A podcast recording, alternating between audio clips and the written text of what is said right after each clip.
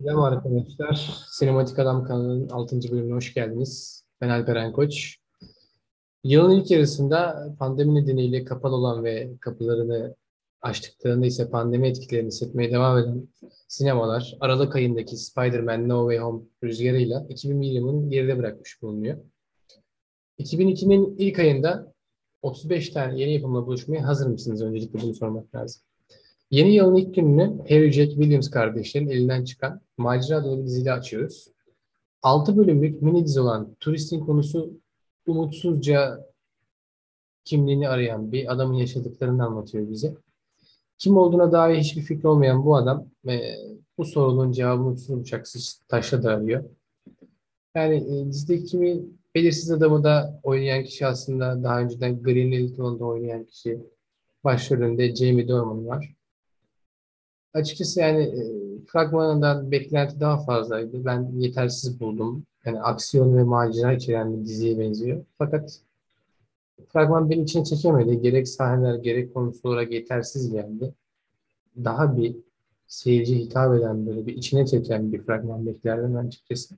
Neyse. Diğer haberimiz ise e, How I Met Your Mother'dan sonra How I Met Your Father geliyor. Bir zamanların e, en sevilen dizilerinden How I Met Your Mother. Bu dizinin ilham kaynağı olduğunu e, çok açık vurgulamak lazım.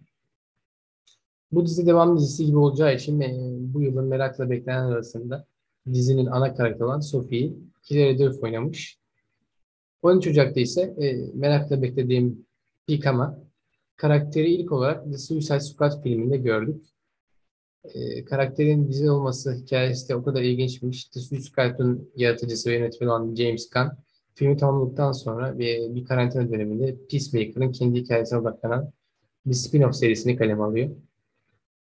DC Films kendisine The Suicide Squad'ın herhangi bir karakterden spin-off serisi yapmak isteyip istememesini sorunca sırf eğlencesine yazdı bu iş hayata geçirmiş oluyor.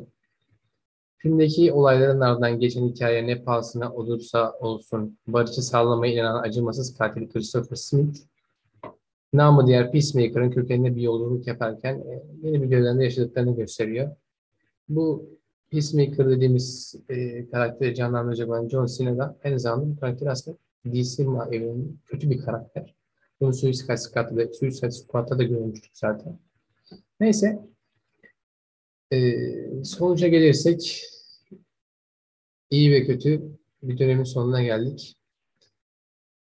Bu zamana kadar dinlediğiniz için teşekkürler. Umarım dinlerken keyif almışsınızdır. Kendinize çok ama çok iyi bakın.